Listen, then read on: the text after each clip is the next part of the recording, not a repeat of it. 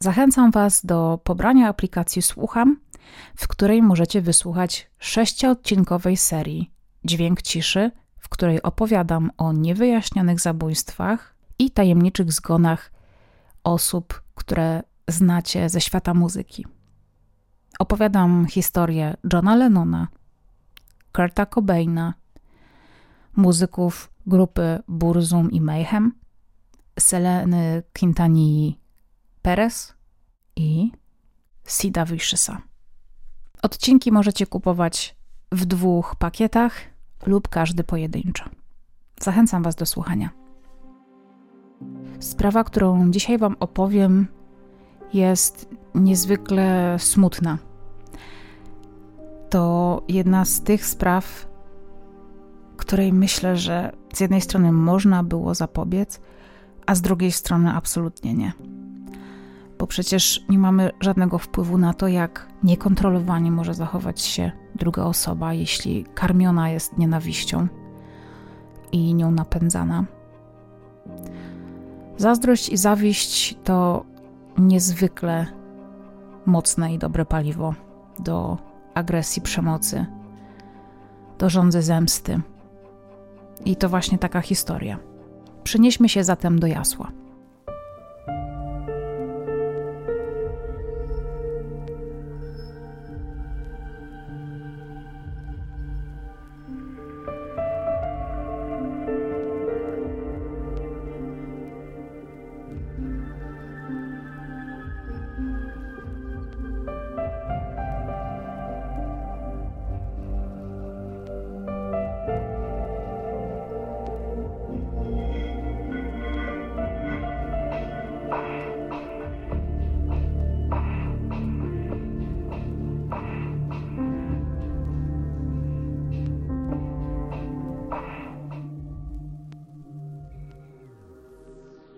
Halina przychodzi na świat w 1962 roku w Jaśle. Jest córką Zdzisława i Stefanii, ma rodzeństwo, brata oraz siostrę. Jest bardzo rodzinną, przyjazną i jednocześnie spokojną kobietą. Jest typem osoby z sercem na dłoni, uwielbia pomagać ludziom, i pewnie z tego względu wybiera sobie jeden z trudniejszych zawodów na świecie, ponieważ jest pielęgniarką. Swoją pierwszą pracę dostaje w szpitalu specjalistycznym w Jaśle i od razu rzuca się na głęboką wodę, ponieważ pracuje na oddziale ratunkowym. I teraz pomoc innym jest nie tylko jej codziennością taką domową, prywatną, ale też zawodową. Pewnego dnia podczas dyżuru Haliny w szpitalu na oddział ratunkowy trafia mężczyzna. Ma rozciętą nogę wzdłuż goleni, rozcięte są też mięśnie oraz kość. Mężczyzna jest nieprzytomny. Zdążył jednak przed przyjazdem do szpitala zrobić sobie jakiś prowizoryczny opatrunek i opieka nad tym mężczyzną przypada Halinie. Okazuje się, że ten mężczyzna to Janusz Gorczyca, spędza kilka dni w szpitalu. Podczas tego pobytu to właśnie Halina się nim opiekuje. Wtedy też e, Halina się dowiaduje, że do tego wielkiego zranienia, do, tego, do tej tragedii właściwie, która wyłączyła Janusza na kilka miesięcy z życia, e, doszło podczas pracy pilarką, która mężczyźnie wymsknęła się z rąk. E, I kiedy wychodzi ze szpitala, to kontakt z Haliną się nie urywa.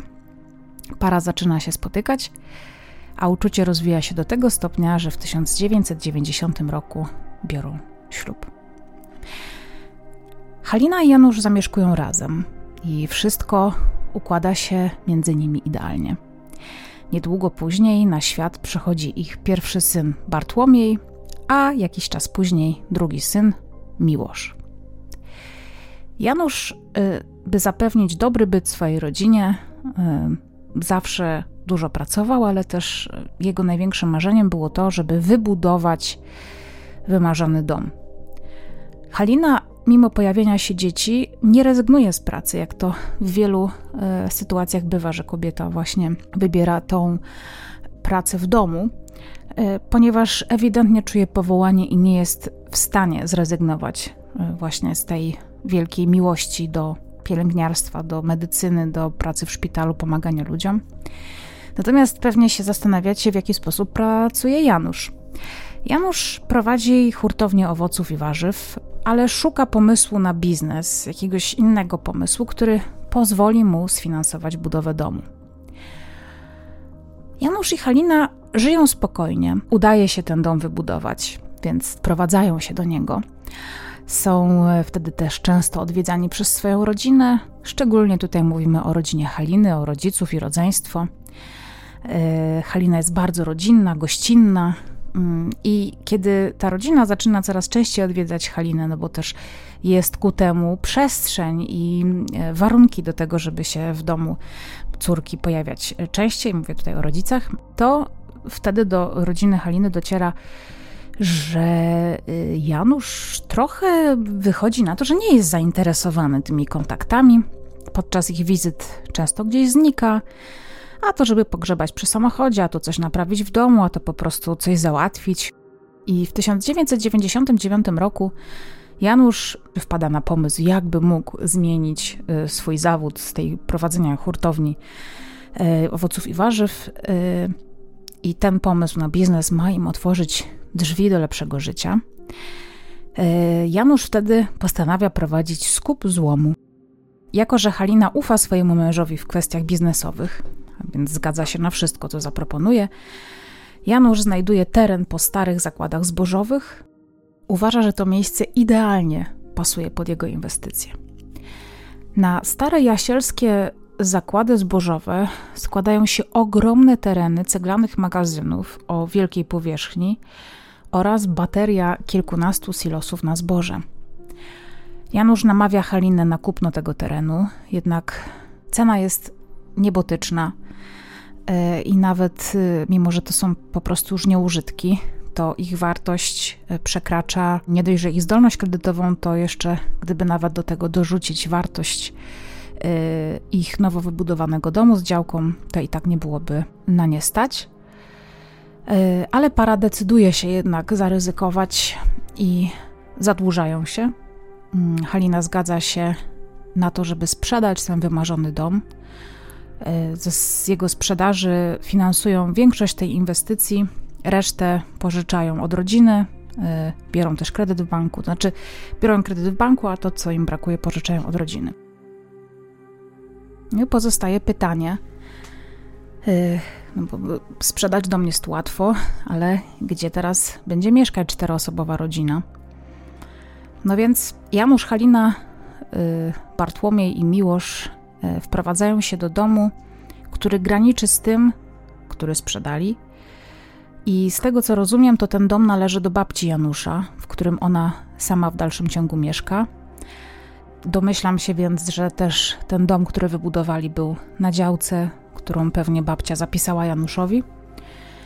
E, no i to powoduje, że od tego momentu, kiedy piją kawę w kuchni, to przez okno patrzą się na swój wymarzony dom, którego już nie są właścicielami. Po tych bardzo dużych zmianach życiowych między Januszem i Haliną zaczyna się psuć. Głównie dlatego, że Janusz większość czasu spędza poza domem, tej starej zbożowni. Pracuje nad tym, aby ją przekształcić w skup złomu i metali kolorowych. I w końcu w 2004 roku, czyli po pięciu latach od podjęcia tej wielkiej decyzji o sprzedaży domu i zakupie tych starych zakładów zbożowych, y, osiąga swój cel. Jest absolutnie przekonany, wręcz ma taką ślepą wiarę w to, że ten biznes przyniesie mu ogromne pieniądze. No i czy tak jest naprawdę? Halina prawie nie widuje męża w domu. Y, mali synowie no już podrośli, ale wciąż jest to wiek taki późna podstawówka, wczesne gimnazjum w ogóle nie widzą ojca w domu, więc też wychowują się właściwie tylko przy matce, która też pracuje, więc też jej nie ma w domu dość często. E, kiedy wraca ze szpitala do e, domu, to stara się pomagać w sprzedaży warzyw i owoców na targu, bo ten pierwotny biznes Janusza, który obecnie oprócz Haliny jako pielęgniarki, w sensie oprócz tych dochodów z, ze szpitala, które są bardzo małe, no jest źródłem dochodu. To nie jest tak, że Janusz przestał prowadzić te hurtownie. E, przecież musiał skądś e, czerpać zyski na bieżąco, więc oboje mają pracę. Prowadzą też biznes. Halina pracuje na trzy etaty, bo jest i matką, i pielęgniarką, i sprzedaje warzywa i owoce.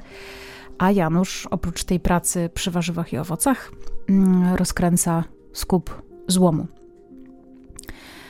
Halina ma ogromne poczucie obowiązku, ale też poczucie strachu, ponieważ wie, jaka jest ich sytuacja finansowa. A taka jest, że mają wielki kredyt, zapożyczeni są u członków rodziny. Trzeba do tego wszystkiego z czegoś żyć, wychowywać dwójkę dzieci, które mają coraz większe potrzeby. No i te problemy finansowe zaczynają odbijać się na całej rodzinie. Myślę, że każdy, kto kiedykolwiek doświadczył problemów finansowych albo był w nieciekawej sytuacji materialnej, wie, że to jest taki permanentny stres, lęk i strach o to, że wydarzy się coś, co jeszcze bardziej pogorszy sytuację.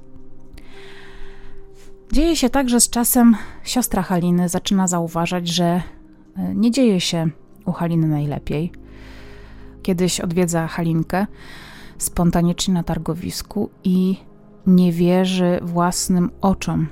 Widzi swoją siostrę taką umordowaną pracą, wycieńczoną, a przede wszystkim smutną, bez życia, bez nadziei. A przecież to zawsze była taka pogodna, serdeczna, dobra osoba. Siostrze Haliny prawie pęka serce. Ale podobne odczucia mają też jej koleżanki z pracy, pozostałe pielęgniarki z oddziału ratunkowego. Zauważają, że Halinka przychodzi do pracy smutna, zamknięta w sobie, nic nie chce mówić, a ponadto kilka razy do pracy przychodzi posieniaczona. Nigdy jednak nie mówi, czy w jej domu dzieje się coś złego, nie wyjaśnia też tych sieniaków.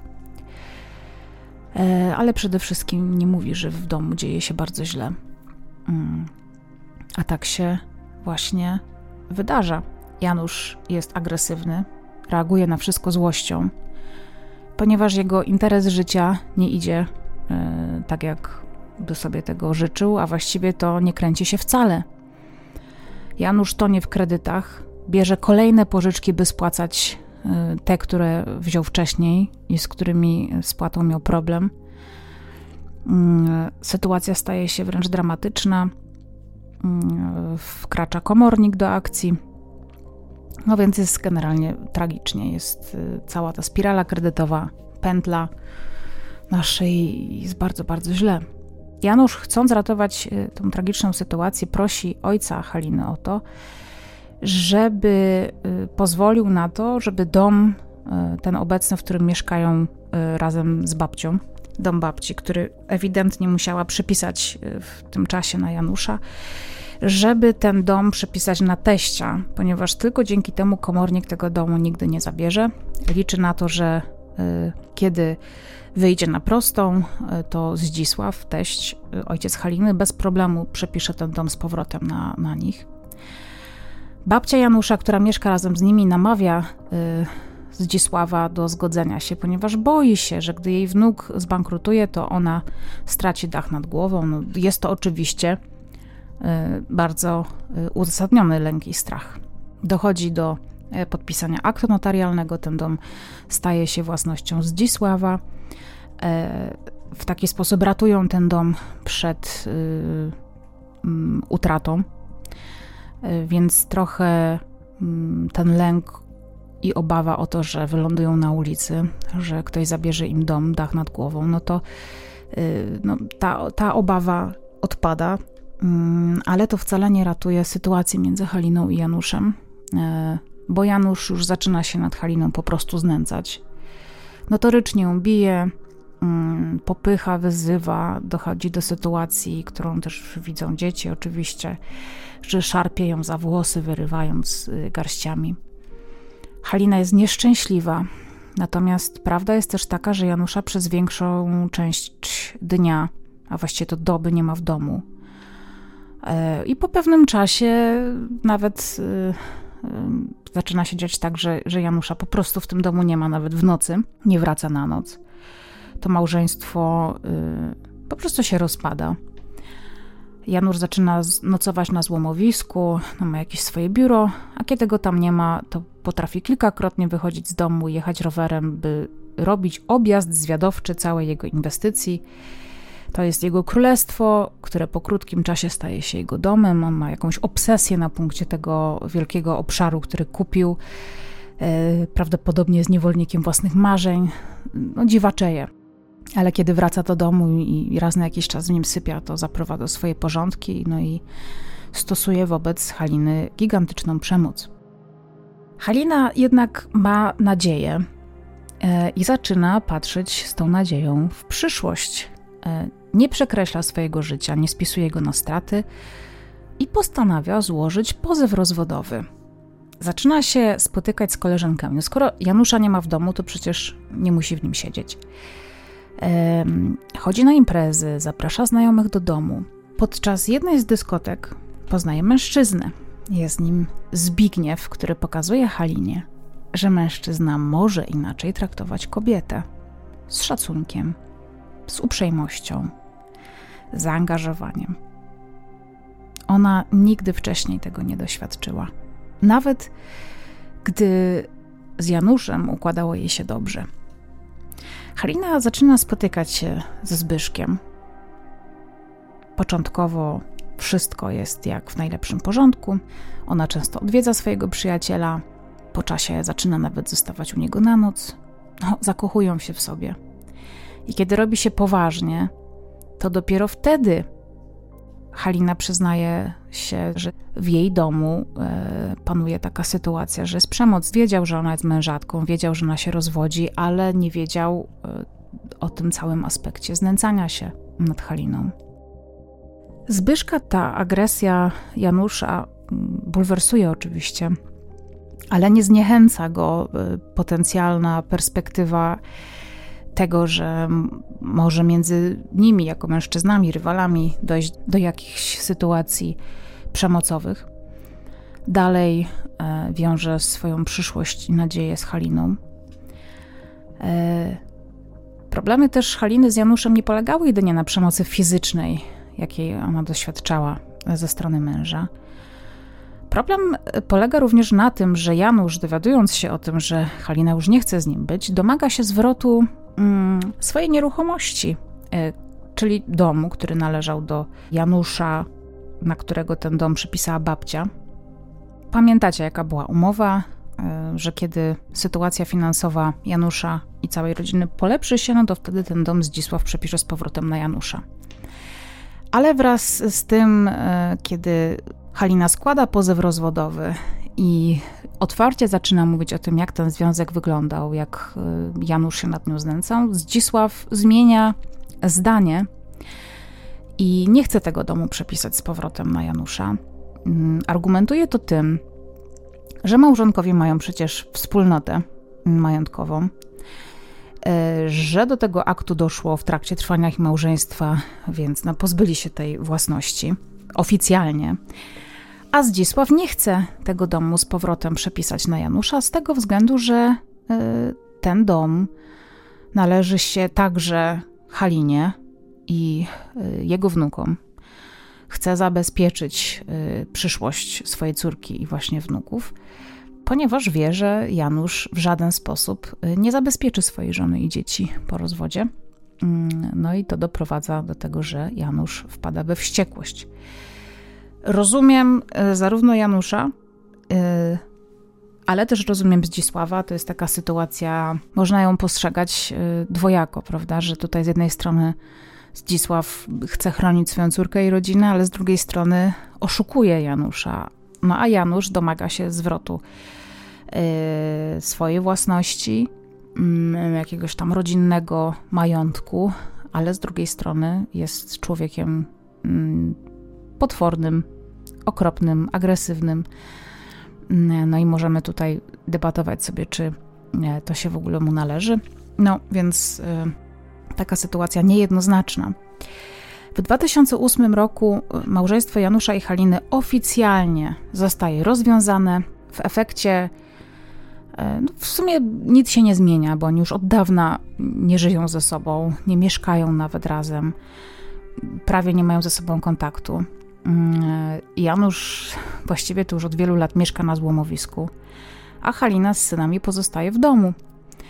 I po rozwodzie ojciec Haliny e, przepisuje na nią dom, który pierwotnie należał do babci Janusza, więc ten dom oficjalnie Halina przejmuje.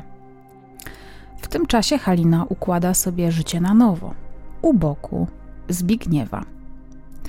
Zbyszek nawet obiecuje swojej ukochanej, że wybuduje dla nich dom. E, I tej obietnicy dotrzymuje. Kilka miesięcy później w miejscowości Wapienne, która znajduje się około 30 minut mm, od Jasła, jeżeli mówimy tutaj o jeździe samochodem, powstają fundamenty ich nowego, rodzinnego domu. Halina znowu jest szczęśliwa. Uśmiecha się. Ma u swojego boku mężczyznę, który ją kocha, ma przy sobie synów, którzy są zdolni, ambitni. Jako matkę rozpierają dumę i w końcu tworzą normalną rodzinę, żyją w dobrej atmosferze, mają nawet małego pieska o imieniu Sonia, którym się wspólnie opiekują. E, liczą na to, że jak tylko wybudują ten nowy dom, to będą mogli się wynieść z jasła, nie będą musieli się co chwilę spotykać z ludźmi, którzy przypominają ich y, najgorsze czasy, przypominają im o, o tej wstrętnej przeszłości. Halina, mimo że nie ma już kontaktu ze swoim byłym mężem, to jednak postanawia się z nim tak ostatecznie rozliczyć. Z tego względu w 2011 roku postanawia uregulować sprawy finansowe.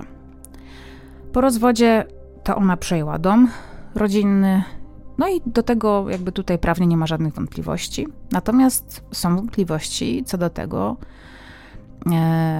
jak się rozliczą za zakupione ze wspólnie zaciągniętych kredytów i pożyczonych pieniędzy od rodziny, ale też zainwestowane w e, kupno tych terenów po starych magazynach zbożowych. Przecież finansowali to głównie ze sprzedaży ich wspólnego domu, który razem budowali, mm, kredytów i tak dalej.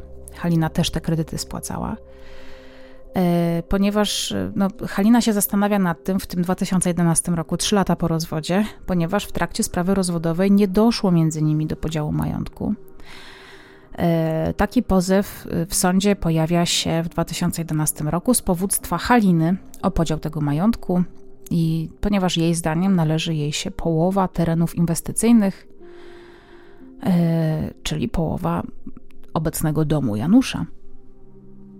Kiedy ta wiadomość do niego trafia, mm, jest w szoku, ale też ogarnia go wściekłość, ponieważ e, Halina zabrała mu już dom, który należał do jego rodziny, a teraz jeszcze chce go ograbić z miejsca, w którym właśnie mieszka i w którym obecnie prowadzi swój biznes? Przecież jeśli sąd uzna, że połowa terenu ma trafić do Haliny, on zostanie z niczym, a sąd bardzo możliwe, jest bardzo duże prawdopodobieństwo, że tak uzna, ponieważ ten teren nabyli w trakcie trwania małżeństwa. Na początku lutego 2012 roku Halina wraca z pracy do swojego domu przy ulicy 17 stycznia. Wjeżdża samochodem na swoją posesję, chce zaparkować y, samochód w garażu. I kiedy z niego wysiada, nagle zostaje zaatakowana przez jakiegoś napastnika. Otrzymuje kilka ciosów oraz dwa pchnięcia ostrym narzędziem. Eee, kobieta jest totalnie oszołomiona, ale na szczęście resztkami sił udaje jej się uciec. Wybiega na środek ulicy, przy której znajduje się dom. Jej dom e, zatrzymuje przejeżdżające samochody i pasażerowie wysiadają, by móc udzielić Halinie pomocy.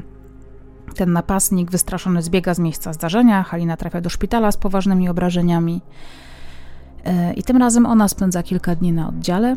Jest roztrzęsiona, ponieważ wie, kto był sprawcą napadu, ponieważ napadł ją Janusz. Przez to całe wydarzenie, przez to, że Halina spędza kilka dni w szpitalu, nie odbywa się rozprawa, którą zaplanowano na 9 lutego 2012 roku. Tego dnia miała zapaść decyzja e, w sprawie podziału majątku.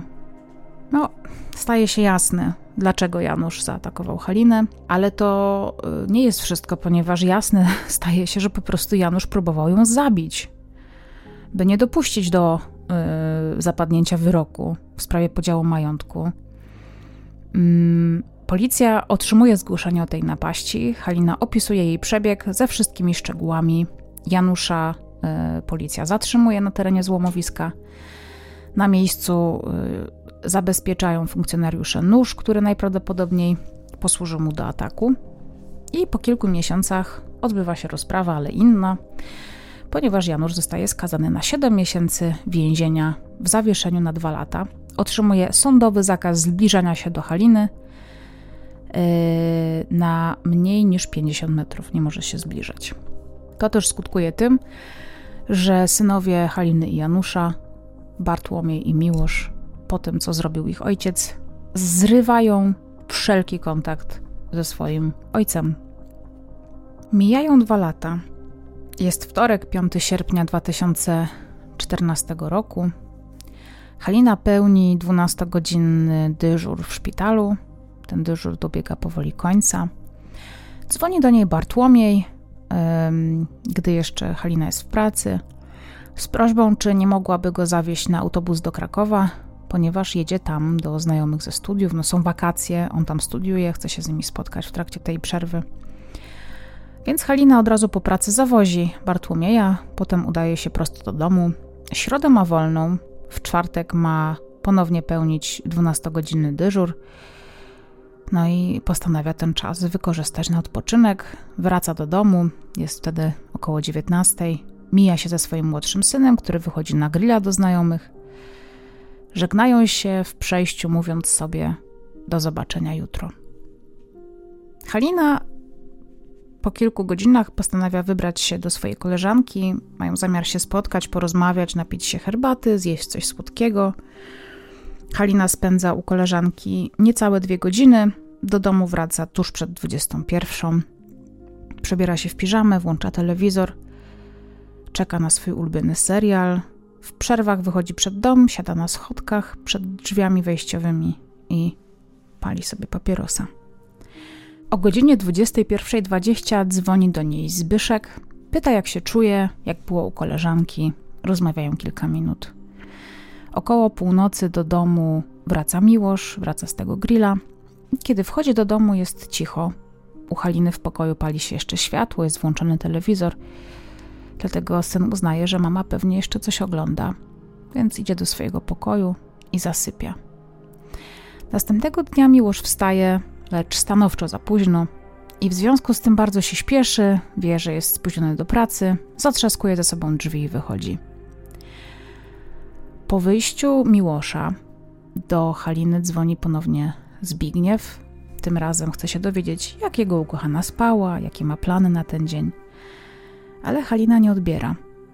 Mężczyzna wybiera numer kilkukrotnie, bez skutku, więc zaczyna się niepokoić, ponieważ ich regułą jest dzwonienie do siebie kilka, a nawet kilkanaście razy dziennie i Halina nawet jak nie może rozmawiać, zawsze odbiera telefon i mówi, że oddzwoni. Zbigniew udaje się więc do domu Haliny na ulicę 17 stycznia. Nikt nie otwiera drzwi. Postanawia poczekać pod tymi drzwiami, Zna mniej więcej zwyczaje zarówno Haliny, jak i jej synów, więc przewiduje, że z pewnością któryś z nich będzie niedługo wracał z pracy. Znaczy tutaj chyba tylko mówimy o Miłoszu, ponieważ Bartłomiej był w Krakowie. I około 16 pod domem spotyka Miłosza. Miłosz jest zaskoczony widokiem Zbyszka. Natomiast Zbyszek opowiada mu, że próbuje się skontaktować z mamą, ale nie odbiera telefonu, więc postanowił po prostu przyjść, ale mamy chyba nie ma w domu albo nie otwiera drzwi. Miłosz ma klucze, otwiera dom. Pierwsze co zauważa to brak wycieraczki, ale nie wzbudza to w nim żadnego niepokoju. Nawet myśli, że mama może chciała ją wyprać albo wytrzepać, w końcu ma wolny dzień. Wtedy często bierze się za sprzątanie. Ale kiedy wchodzą dalej, Miłosz zauważa, że w pokoju mamy jest zapalone światło, telewizor dalej gra. I tutaj y, dociera do mężczyzn, że coś chyba się stało, więc zaczynają się niepokoić. Miłosz przypomina sobie, że kiedy wracał z grilla, to światło się paliło, telewizor również był włączony, więc wchodzą ze strachem do pokoju Haliny, przerażeni tym, co zastaną, ale w tym pokoju nic się nie dzieje, Haliny nie ma. No nie ma po niej żadnego śladu. Co jest bardzo niepokojące, to fakt, że na łóżku yy, leży telefon, torebka, dokumenty Haliny. A Halina się bez tych rzeczy nie ruszała z domu. Więc Zbigniew i Miłosz przetrząsają cały dom w poszukiwaniu jakichkolwiek śladów. I wtedy jeden z nich zauważa w przedpokoju coś strasznego, ponieważ na ścianie, na wysokości klatki piersiowej i głowy znajdują się rozbryzgane ślady krwi. Zbigniew jest przekonany, że doszło do tragedii, więc od razu wzywają na miejsce policję. Policja zaczyna przeszukiwać dom. Na pytanie funkcjonariuszy, czy zginęło coś e, z tego domu, Miłosz odpowiada, że nic oprócz wycieraczki spod drzwi.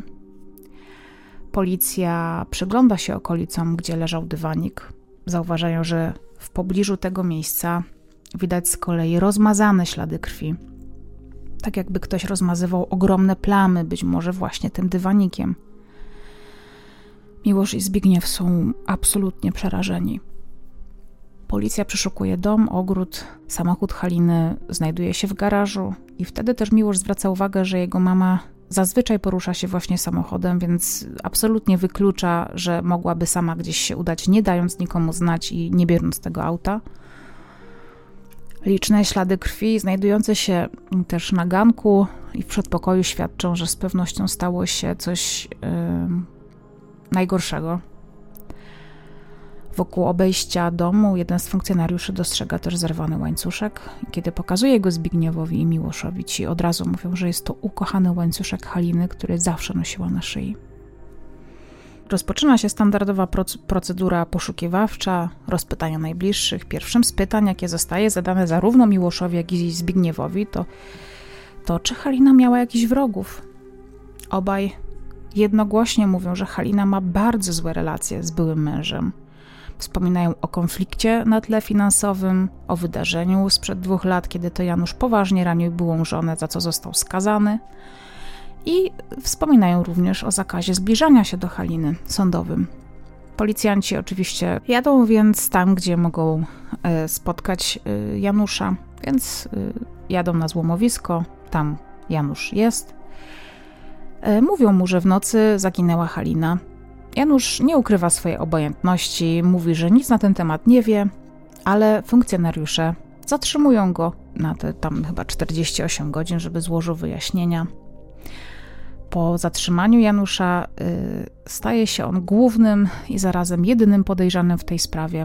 W mieszkaniu Haliny pojawia się cała ekipa śledczych, kryminalistyków też, y, techników, którzy zabezpieczają ślady, m.in. krew, włosy, Próbki zostają wysłane do krakowskiego Instytutu Ekspertyz Sądowych. Śledczy przecież muszą mieć pewność, że ta krew należy do Haliny. Tymczasem media zaczynają snuć domysły, bo sprawa szybko trafia do mediów, więc huczą od informacji na temat zaginięcia kobiety. Opisują, że w mieszkaniu znaleziono krew, że znajdowała się również w łóżku ofiary, co może wskazywać na to, że ktoś napadł kobietę w momencie snu jaśle ludzie zaczynają się bać. Na szczęście policja dementuje te plotki, ale oczywiście wiemy, jak to wygląda. Plotka jest dużo silniejsza niż jakiekolwiek dementi potem e, informacji, więc e, mieszkańcy Jasła zaczynają żyć w strachu. Niestety prawda jest dużo gorsza, mm, bo technicy ustalają, że krwi na miejscu zdarzenia jest tak wiele, tak dużo musiało jej być, że nawet zdążyła przeniknąć pod linoleum. No i to daje śledczym, policjantom, technikom, wszystkim ekspertom jasny sygnał, że takiej utraty krwi raczej nie da się przeżyć.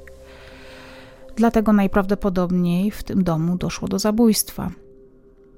No ale oczywiście e, stara zasada, która jest jedną z najbardziej błędnych zasad. Nie ma ciała, nie ma zbrodni. śledczy przede wszystkim chcą odnaleźć y, zwłoki Haliny. Prokuratura jednak nie czeka na to ciało i stawia Januszowi zarzut, ale nie mm, zabójstwa, ale pozbawienia wolności ze szczególnym udręczeniem, zarzut też złamania y, zakazu sądowego, czyli wtargnięcia do mieszkania. Mm, to służy głównie temu, że można Januszowi y, przedłużyć areszt. W międzyczasie śledczy przeczesują tereny złomowiska przy ulicy Floriańskiej, bo tam się właśnie znajduje. Szukają śladów potwierdzających sprawstwo y, Janusza w zabójstwie Haliny. Po kilkunastu godzinach w okolicach torów kolejowych znajdują porzucony biały dostawczy samochód marki Ford Transit. I jest to samochód, który należy do Janusza, a którego nie znaleziono na terenie złomowiska. Policja sprawdza pojazd, no i szybko okazuje się, e, że w tym samochodzie są ślady krwi na podłodze i ścianach bagażnika. Znaczy chodzi o tą pakę z tyłu samochodu. Więc jest to ten element, który łączy Janusza z krwią Haliny, więc ze sprawą jej zaginięcia. Janusz oczywiście na pytanie, skąd w jego samochodzie wzięła się krew, odpowiada konsekwentnie, że nie ma absolutnie pojęcia, e, że nie zrobił nic złego. Twierdzi, że ostatni raz użył samochodu w godzinach porannych 5 sierpnia i niestety w miejscu, gdzie go znaleziono, mężczyzna miał problem, żeby go odpalić, więc po prostu porzucił ten samochód. Stwierdził, że nie ma co marnować czasu, on nie będzie się starał tego samochodu zreanimować. Po prostu y, zostawił ten samochód i wrócił sobie piechotą do y, swojego domu na złomowisku. Śledczy y, pobierają próbki z samochodu, y, wysyłają je do badań. Na wyniki trzeba poczekać. Chodzi zapewne o DNA. Mm, mimo czekania policja nie próżnuje, w dalszym ciągu poszukuje Haliny. Przeczesują łąki, pola, różne mokradła. Zostaje sprawdzony pobliski staw, rzeka Wisłoka, jednak niczego nie znaleziono. Więc na miejscu pojawiają się y, psy tropiące, które w domu Haliny podejmują trop, ale ślady urywają się tuż przy drodze przy ulicy 17 stycznia, więc świadczy to y, na 99%, że Halina albo wsiadła do samochodu, albo ktoś ją do tego samochodu wepchnął siłą, albo po prostu ktoś przeciągnął ciało Haliny do ulicy, e, wpakował je do samochodu i po prostu tak pozbył się zwłok. Śledczy zaczynają sprawdzać monitoring wzdłuż ulicy 17 stycznia w dniu zaginięcia kobiety, ale nie ma tam niestety kamer, które mogłyby objąć swoim zasięgiem dom Haliny. Są jednak kamery w pobliskim otoczeniu i ku zaskoczeniu albo ku braku zaskoczenia u policjantów okazuje się, że na monitoringu zostaje uchwycony doskonale mm, biały Ford Transit, który przejeżdża nieopodal właśnie w nocy czy tam późnym wieczorem tego 5 sierpnia. Dzięki nagraniom z monitoringu udaje się ustalić, że biały Ford Transit parkuje po godzinie 25 sierpnia nieopodal ogródku działkowych przy ulicy 17 stycznia. Policja, chcąc sprawdzić, czy jest to samochód należący do Janusza, sprawdza też monitoring w okolicach ulicy Floriańskiej, czyli tam, gdzie znajduje się skup złomu, i okazuje się, że dokładnie taki sam samochód wjeżdża, właśnie to ten sam samochód wyjeżdża z posesji o godzinie 19.57, a o godzinie 22.23 na nagraniach widać powracający na teren skupu złomu ten sam pojazd co oznacza, że Janusz y, okłamał śledczych, że ten samochód od rana nie był na chodzie i że dlatego go porzucił w okolicach torów. Tymczasem Janusz składa zażalenie do sądu o areszt tymczasowy, argumentując to tym, że jest poszkodowany, ponieważ jest niewinny i domaga się natychmiastowego wypuszczenia. Oczywiście nic takiego się nie dzieje, sąd nie wypuszcza Janusza z aresztu. Mm, natomiast Jednocześnie wszystko, co mogli zrobić śledczy, eksperci, prokuratura, zostaje zrobione, a sprawa y, utyka w miejscu. Y, policja staje w martwym punkcie. Nie ma tego ciała Haliny. Rodzina nie chce się poddawać, liczy na jakieś, jakiekolwiek nawet efekty czy ślady. Y, dlatego też trzy tygodnie po zaginięciu Haliny zgłaszają się o pomoc do niestety Krzysztofa Rutkowskiego, który jak to ma w zwyczaju, od razu robi konferencję prasową. W tym czasie podano do informacji publicznej wizerunek oraz rysopis Haliny. Rodzina liczy na to, że ktoś się zgłosi, e, oferuje rodzina nawet 5 tysięcy złotych, nagrody dla osoby, która wniesie kluczowe informacje do sprawy. Mija też e, kilka tygodni, więc przechodzą e, wyniki badań, które potwierdzają to, że krew w domu Haliny i w samochodzie dostawczym Janusza to jest krew tej samej osoby i jest to krew Haliny. Więc śledczym daje to podstawę do tego, żeby mm, no, wysnuć wniosek, że biorąc pod uwagę dowody oraz nagrania z monitoringu, y, krew, motyw, sytuację pomiędzy Januszem a Haliną oraz to, że już wcześniej Janusz ją zaatakował, no, są przekonani, że po pierwsze Halina została zamordowana, a po drugie, bez wątpienia, ich zdaniem sprawcą jest Janusz. Do tego wszystkiego w mieszkaniu Haliny też nie ma żadnych śladów włamania, i to oznacza, że Halina musiała wpuścić sprawcę do swojego domu. Otworzyła mu drzwi, albo sprawca sam je sobie otworzył. Przecież być może Janusz y, był w posiadaniu kluczy do domu, skoro był to dawny dom jego babci, aczkolwiek nie wydaje mi się, żeby Halina e, nie pomyślała o tym, żeby zmienić zamki. Dodatkowo też krew Haliny znaleziona w jego samochodzie oznaczała, że Janusz też e, oprócz tego, że pozbawił Haliny życia, no po prostu musiał ją gdzieś wywieźć, pozbyć się jej ciała. To tylko pytanie, czy Halina jeszcze wtedy żyła, czy nie. Janusz ponadto jako jedyny miał motyw, ponieważ uwaga, 6 czy 7 e, sierpnia miała odbyć się rozprawa, kolejna w sprawie podziału majątku. E, więc pojawia się po raz kolejny ten sam motyw. Tak jak to było w 2012 roku, zaatakował ją przecież y, dzień przed tym, e, kiedy miało dojść do wydania wyroku albo tam kolejnego posiedzenia sądów w sprawie tego podziału majątku. No, mnie to zastanawia, że, że po prostu działał w taki sposób wskazujący w 100% na to, że to, że to mógł być on. Przecież wiadomo, że policja pierwsze co przyszłaby do, do niego, że skoro w tamtym Mm, czasie, w 2012 roku, też tuż przed rozprawą chciał ją zabić, to teraz, kiedy ona zaginie, to nikt się nie będzie zastanawiał dwa razy, czy to on, czy nie. No, to mnie bardzo dziwi, że, że ja bym, nie wiem, pomyślała o tym, żeby to zrobić w mniej oczywistym czasie. Podczas przeszukania złomowiska też znaleziono e, świeżo wyprane ubrania Janusza. Być może wyprał je po to, żeby zniknęła krew ale na jego rękach były widoczne ewidentne zadrapania, takie ślady walki. Był podrapany na dłoniach, yy, też chyba na twarzy. Być może Halina walczyła z nim w momencie zabójstwa. A raczej na pewno yy, tak się stało. Tę odzież zabezpieczono właśnie, żeby sprawdzić, czy nie ma tam jakichś śladów krwi, ale niczego na tej odzieży nie znaleziono. Za sprawstwem byłego męża stoją też zeznania świadków, którzy potwierdzają, że widzieli feralnej nocy Janusza w pobliżu miejsca zamieszkania zaginionej. Pierwszym świadkiem jest mężczyzna, który 5 sierpnia przebywał z żoną na swojej działce i wieczorem widział dziwnie zachowującego się mężczyznę, który posturą i chodem przypominał Janusza. Drugi świadek natomiast widział wjeżdżającego Forda Transita na teren złomowiska przed 23 tej nocy słyszał też huk i dziwne hałasy dobiegające z tego terenu. Mm, I wydało mu się to dziwne, dlatego że nigdy wcześniej złomowisko nie funkcjonowało w takich godzinach. Co więcej, nigdy też ze złomowiska nie było słychać takich odgłosów.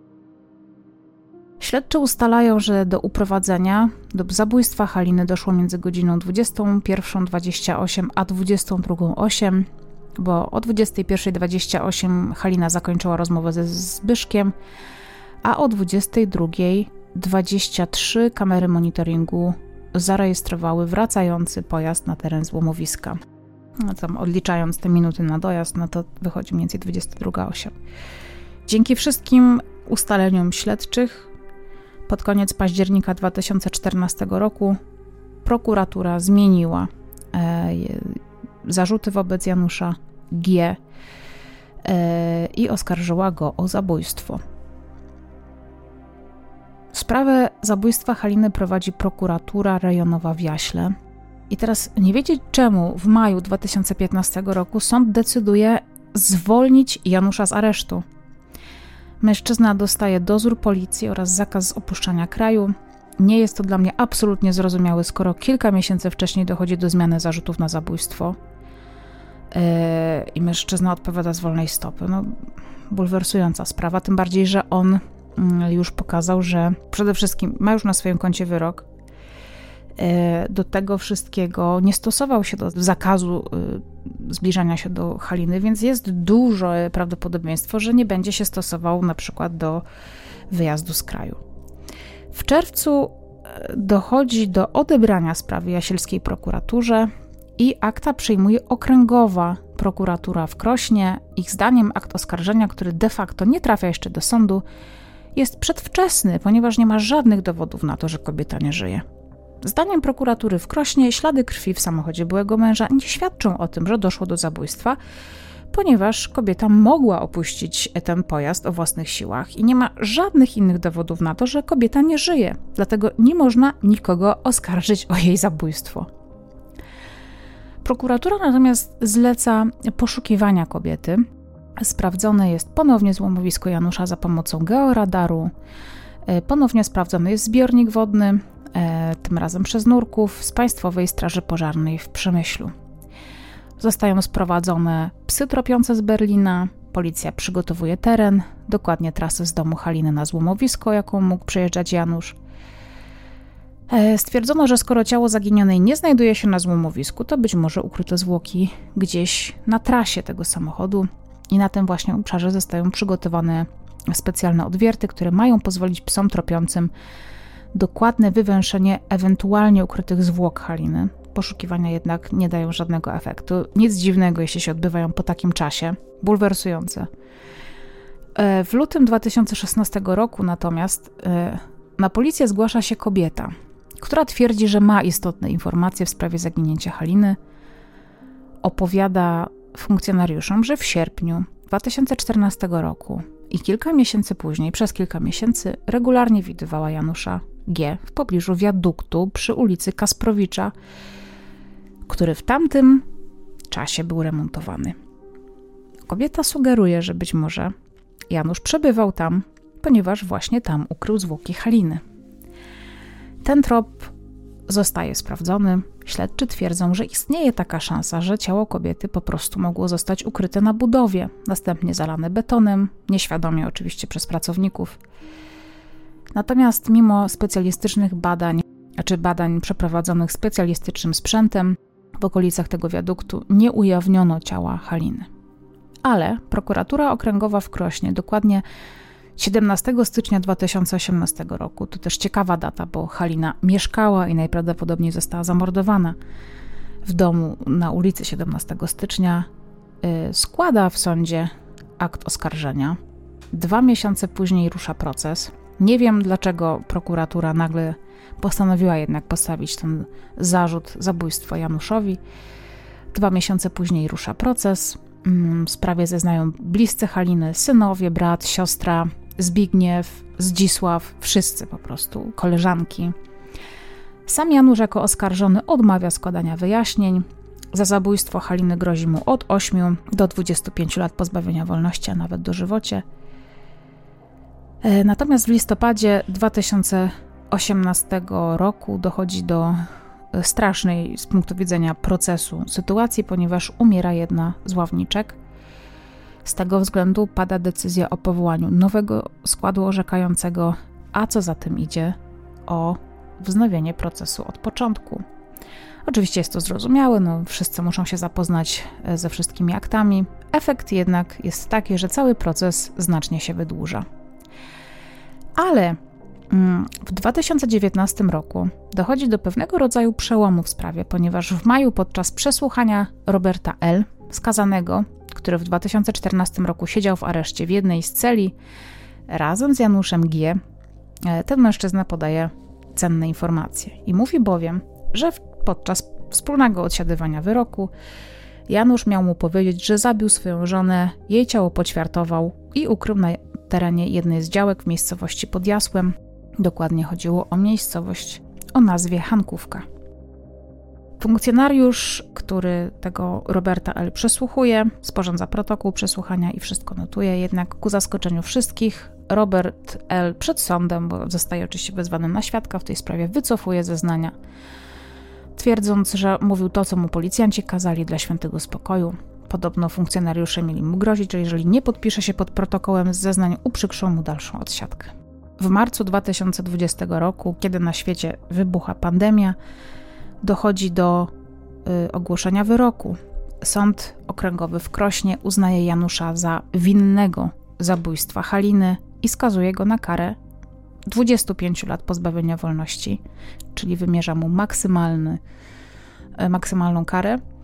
Według sądu Janusz zadał ofierze co najmniej jeden cios po wejściu do mieszkania, o czym świadczą ujawnione ślady krwi w jej mieszkaniu, Reszty nie dało się sprawdzić, bo ta krew była e, rozmazana czy starta.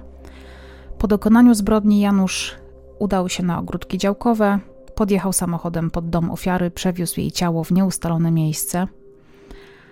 E, według sądu Janusz przygotował się do zbrodni, ponieważ jego telefon od wczesnych godzin porannych 5 sierpnia 2014 roku do późnych godzin 6 sierpnia pozostawał wyłączony, więc nie można było namierzyć miejsca, w którym przebywał, nie było logowań do stacji BTS. Co więcej, z całego terenu e, złomowiska, które było oczkiem w głowie Janusza, zniknęły nagle wszystkie kamery monitoringu, które mm, służyły mu do pilnowania swojego obejścia. Jedynie dzięki miejskiemu monitoringowi udało się ustalić e, prawdopodobny przebieg wydarzeń. Oczywiście obrona Janusza składa apelację od wyroku. Kilka miesięcy później Janusz staje przed sądem apelacyjnym w Rzeszowie i 22 grudnia 2020 roku sąd apelacyjny podtrzymuje wyrok 25 lat pozbawienia wolności. Natomiast Janusz się nie poddaje, składa skargę kasacyjną do Sądu Najwyższego i 4 stycznia 2023 roku kasacja zostaje przez sąd uznana za bezzasadną, czy zostaje oddalona, bo Sąd Najwyższy uznaje ją za bezzasadną. Myślę, że to, co w tej sprawie jest taką informacją mogącą jeszcze bardziej świadczyć za tym, że to z pewnością Janusz stoi za zabójstwem Haliny, to to, że między tym pierwszym atakiem, za który został skazany, a zabójstwem Haliny doszło do niebywałej sytuacji, która nigdy nie została zgłoszona na policję. Mianowicie takiej, że została porwana kobieta właśnie w Jaśle, która była przez kilka dni przetrzymywana właśnie na tym złomowisku Janusza. Ona się z nim wcześniej spotykała, on ją po prostu tam bezprawnie przetrzymywał. E, lekarze, którzy potem się tą kobietą zajmowali, po tym jak była podtruwana, e, bita, najprawdopodobniej też gwałcona, mówili o tym, że gdyby jeszcze była tam dwa dni dłużej, to pewnie nie, nie przeżyłaby tego przetrzymywania. I tym się nikt właściwie nie zajął. I mimo, że potem w procesie już o zabójstwo Haliny sąd dysponował tą informacją, że do takiej sytuacji doszło, postanowił mm, zwolnić Janusza z aresztu. Warto też wspomnieć o tym, że na terenie złomowiska Janusz prowadził także skup akumulatorów, w sensie jeżeli tam na przykład przyjeżdżały mm, samochody na złom, to miały też akumulatory. W akumulatorach jest kwas, e, kwas siarkowy, który jest e, substancją silnie żerącą. I dysponując e, takim kwasem, wieloma akumulatorami, a więc sporą ilością tego kwasu, można rozpuścić zwłoki i nie zostawić po nich ani śladu. Być może tak się stało z Haliną, ale tego na pewno od e, Janusza G się nie dowiemy. Ciała Haliny do dzisiaj nie odnaleziono. Nie wiadomo, czy kiedyś nastąpi taki dzień, przyjdzie taki dzień, że to ciało się odnajdzie. Ale na koniec chciałabym przytoczyć Wam fragment rozmowy dziennikarza Dawida Iwańca z Gazety Wyborczej z Januszem G., która moim zdaniem bardzo dużo mówi o nim jako o człowieku. Za 30 lat możemy porozmawiać, bo tyle mogą mnie ścigać za ten paragraf. Nie jeden już wpadł po wielu latach. Boję się, bo powiem jedno słowo za dużo i mnie wsadzą.